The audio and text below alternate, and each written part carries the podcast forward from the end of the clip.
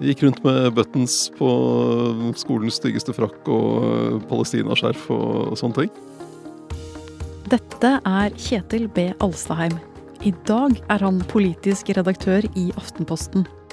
Men på 80- og 90-tallet Jeg var eh, veldig engasjert i, i miljøspørsmål. Eh, meldte meg inn i Natur og Ungdom sånn eh, helt på, i overgangen mellom ungdomsskolen og videregående. Så det var, eh, det var det jeg brukte nesten all fritid på. egentlig.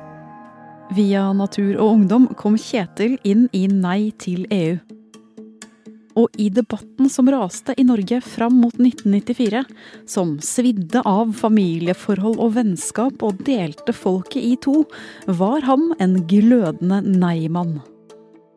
Nå, med krig i Europa og Sverige og Finland på vei inn i Nato, er internasjonale relasjoner igjen et hett tema. Flere etterlyser en ny norsk EU-debatt. Og Kjetil har skiftet side siden sist. I dagens Forklart får du vite hvorfor. Det er fredag 27. mai. Jeg heter Marte Spurkland.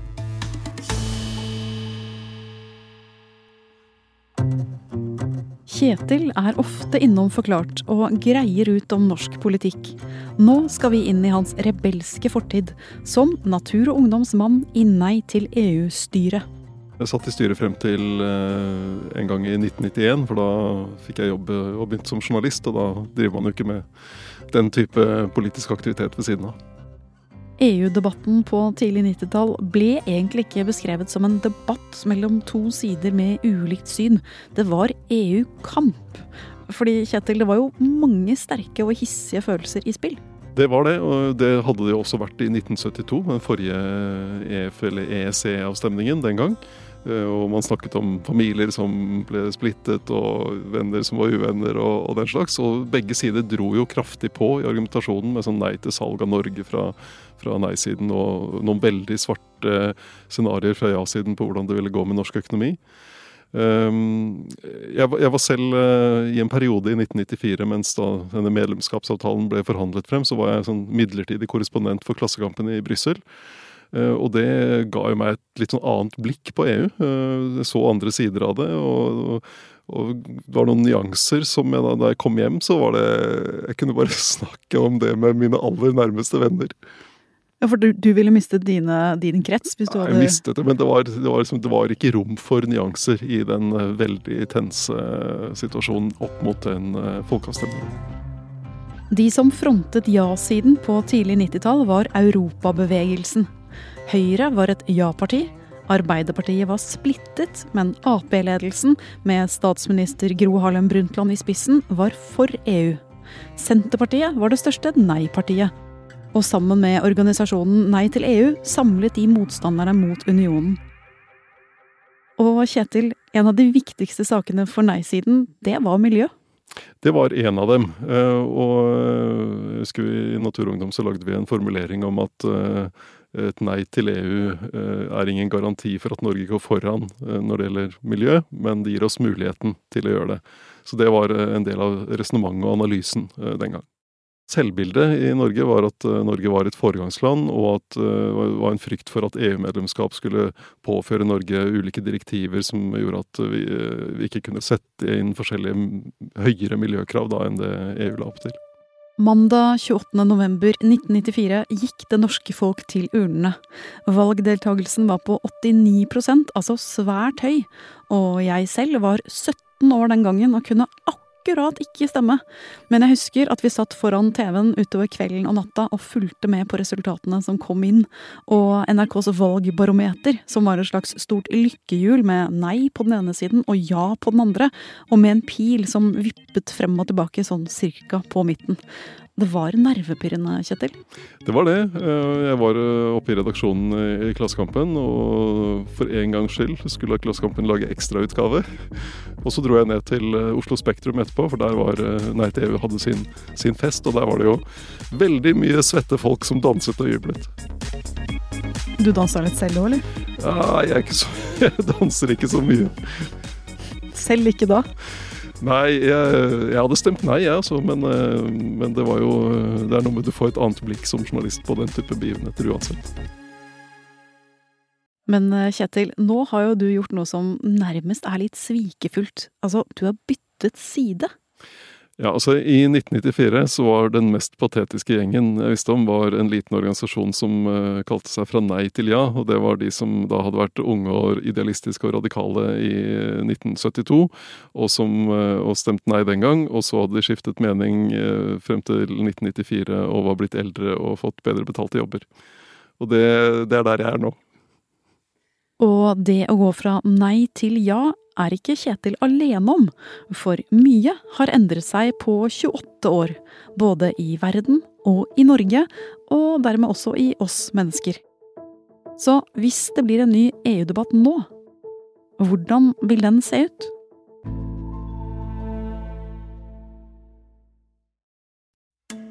Kjetil, i det siste har det jo blitt en slags metadebatt, hvor forskjellige sider argumenterer for og imot ikke EU, men om det skal være en ny EU-debatt.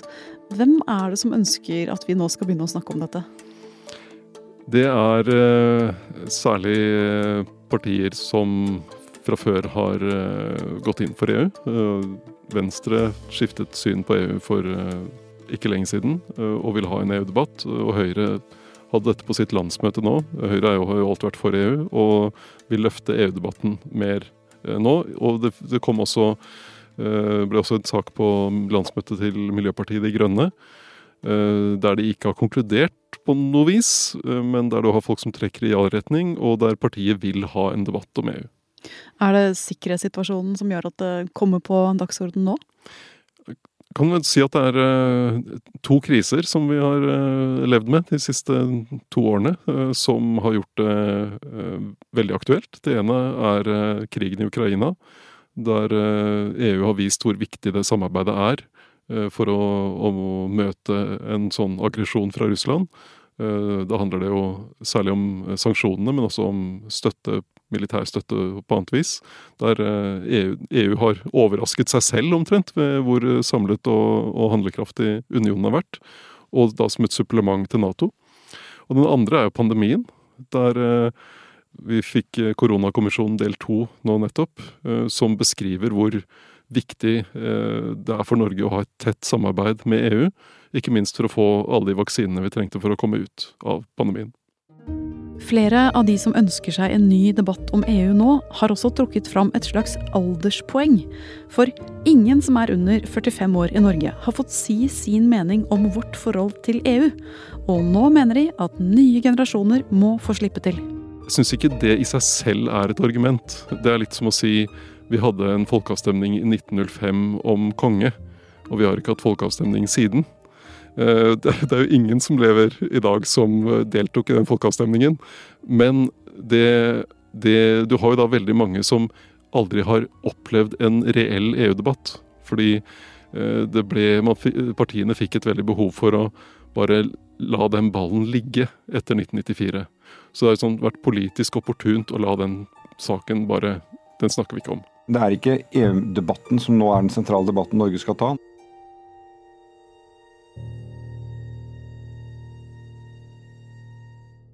Men Kjetil, for noen uker siden i Aftenpodden kom det fram at du har skiftet side i EU-debatten.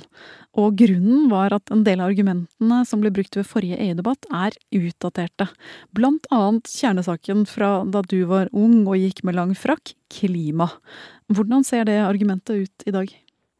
Vi har sett at EU eh, e har tatt en veldig offensiv posisjon, eh, offensiv rolle, når det gjelder eh, miljø og klima. Eh, i, eh, og er en pådriver på, på, de områdene. Og at EU eh, e ikke bremser medlemsland, eller dytter på dem. Norge jobber jo tett med EU på, på klimafeltet, samarbeider tett. Men, men det, var, det, ble, det, er en annen rolle for EU enn den nei-siden, og jeg, da, argumenterte for at det var i, opp mot 1994-avstemningen. Men selv om mye har endret seg siden 1994-debatten, er det fortsatt noen nei-argumenter som er de samme. Og da er det spesielt to ord som trekkes fram. Selvråderett og folkestyre. Eh, altså en bekymring for eh, at eh, Norge skal gi fra seg enda mer suverenitet, sånn at enda mer skal bestemmes fra EU-hold. og at det skal bli for lang, for stor avstand mellom de som styrer og de som blir styrt. Og så har du hensyn til norsk landbruk f.eks., som jo er veldig avhengig av, av tollmurer og, og subsidier. Så, og spørsmål om norsk valuta. Vi, kan vi beholde den norske kronen, eller må vi innføre euro? Så det er mange ulike, mange ulike ting, egentlig. For dagens EU-motstandere er EØS et av de store argumentene. Avtalen mellom EUs medlemsstater og Island, Liechtenstein og Norge. Kjernen i EØS-avtalen er de fire friheter, som sikrer fri bevegelighet for varer, personer, tjenester og kapital mellom EU og oss utenfor. Denne avtalen har jo vært til god hjelp for oss flere ganger, sist under koronaen med vaksinene som vi fikk tilgang til. Men de som er for EU, vil si at EØS-avtalen ikke bare er til hjelp. Og her kommer nei-sidas eget argument, sjølråderetten, tilbake i retur. Vi har EØS-avtalen som, eh, som, knytter oss tett til EU, og som gjør at vi tar imot masse EU-regelverk uten at Norge har noen påvirkning på det regelverket, for vi er ikke medlem og får ikke vært med på de prosessene som er i EU. Eh, så hvis vi vil ha mer selvråderett over de, det regelverket, så må vi melde oss inn. I tillegg mener Kjetil at selvråderett ikke alltid er nok. Det er nemlig ikke alltid like enkelt å stå alene. Norge er bitte liten i forhold til en del store land som for eksempel Kina. Og også i forhold til en del internasjonale selskaper. De store teknologigigantene som er blitt veldig viktige i hverdagen vår. Facebook, eh, Google, eh, Amazon, Apple. Hvordan skal du reg få regulert dem? Hvordan skal du få dem til å betale skatt? Hvordan skal du få dem til å følge personvernregler? Hvordan skal du få dem til å, å følge regulering av eh, hva slags innhold de sprer? Eh, der er jo Norge en, eh, en, liten mygg i det markedet for de selskapene, mens EU har størrelse og kraft nok til å, å lage reguleringer, sånn som vi ser at de gjør nå, ikke minst denne våren. Men eh, debatten for og mot EU har én stor X-faktor. De som sier ja eller nei nå, vet jo egentlig ikke hva det er de er for eller mot. Fordi et EU-medlemskap er jo ikke bare en knapp vi trykker på. Det er en avtale med masse punkter som vi stemmer over om vi skal skrive under på. Men nå fins det ingen avtale mellom Norge og EU å stemme over. Den avtalen vi stemte over i 1994, den har for lengst gått ut på dato. Ja, så Det er mye vi ikke vet om hvordan uh, Hva vil det bety hvis Norge skulle melde seg inn nå? Uh, og da er noen på nei-siden er f.eks. veldig veldig opptatt av om Norge kunne beholde den norske kronen eller måtte innføre euro. Uh, og i utgangspunktet har jo EU et krav om at nye land skal innføre euro hvis de oppfyller forskjellige kriterier. Eh, men vi ser at Danmark har jo ikke euro, Sverige har ikke euro, så kanskje ikke er ikke det så sikkert. Og uansett om det er noen ulemper med valutaen, så er jo spørsmålet om alle de andre fordelene ved å melde seg inn. Eh, om, eh, om man mener at det veier opp det som eventuelt måtte være en ulempe der. Oppsummert blir det cirka slik. Nei-argumentene om selvråderett, landbruk, fisk og subsidier har overlevd i 28 år, og kommer til å bli med videre inn i en eventuelt ny EU-debatt. Det samme gjelder ja-argumenter som sikkerhet og europeisk samarbeid. Miljø og klima har muligens skiftet fra å være et nei-argument i 1994 til å bli et ja-argument i 2022. Og for å komplisere det hele kan en del argumenter brukes både for og mot EU. Strømpriser, kraft og energi, f.eks. Kjetil, hvis det hadde vært en EU-avstemning nå, hvordan tror du det hadde gått? Det er veldig vanskelig å si. Du har jo målinger nå som viser en veldig klar, eh, et klart nei-flertall. Eh, og det, det, har vært stabilt, relativt stabilt, og har hatt en viss økning kanskje på ja-siden de siste årene. Men, men det, er jo, det er jo ikke et spørsmål som velgerne forholder seg til så, mye. Det er jo ikke noe de tenker på i det daglige, fordi det, er, det virker ikke som en veldig aktuell debatt. Sånn at du får jo ikke testet det før det eventuelt blir en, blir en ordentlig debatt. Så hva tror du da? Blir det en ny EU-kamp i Norge nå snart? Jeg tror det kommer til å bli mer debatt om Norges forhold til EU, eh, og at det er helt nødvendig. Fordi eh, ting utvikler seg så fort eh, i EU nå. Det får konsekvenser for Norge, enten vi er medlem eller ikke. Vi har sett hvor viktig EU er i forbindelse med krigen i Ukraina. Vi har sett hvor viktig EU er i klimaarbeidet. Vi så hvor viktig EU var i håndtering av pandemien. Vi ser hvor viktig EU er i å møte de store teknologigigantene, møte Kina. Alt dette er viktige spørsmål også for Norge. Og hvis vi ikke skal være medlem, så må vi finne ut hvordan greier vi å få til det samarbeidet tettest mulig. Helt til slutt, Kjetil. Hva tror du unge Kjetil, 26 år gammel, hadde tenkt om deg nå, hvis han satt og hørte på det du sa i dag? Det kommer jo an på om det er en ung Kjetil anno 1994 og preget av starten av 90-tallet, eller om det var en ung Kjetil anno 2022 og preget av den tiden vi er inne i nå. Eh, så så det, men det kan jo tenkes at også en ung Kjetil i dag ville ment at jeg var en patetisk fyr som gikk fra nei til ja.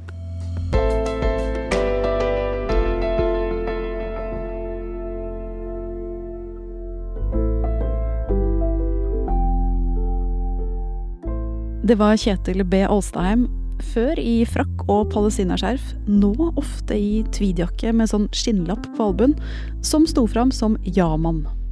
Du har hørt lyd fra NRK. Episoden er laget av produsent David Bekoni og meg, Marte Spurkland. Resten av Forklart er Anne Lindholm, Synne Søhol, Fride Næss Nonstad og Anders Weberg.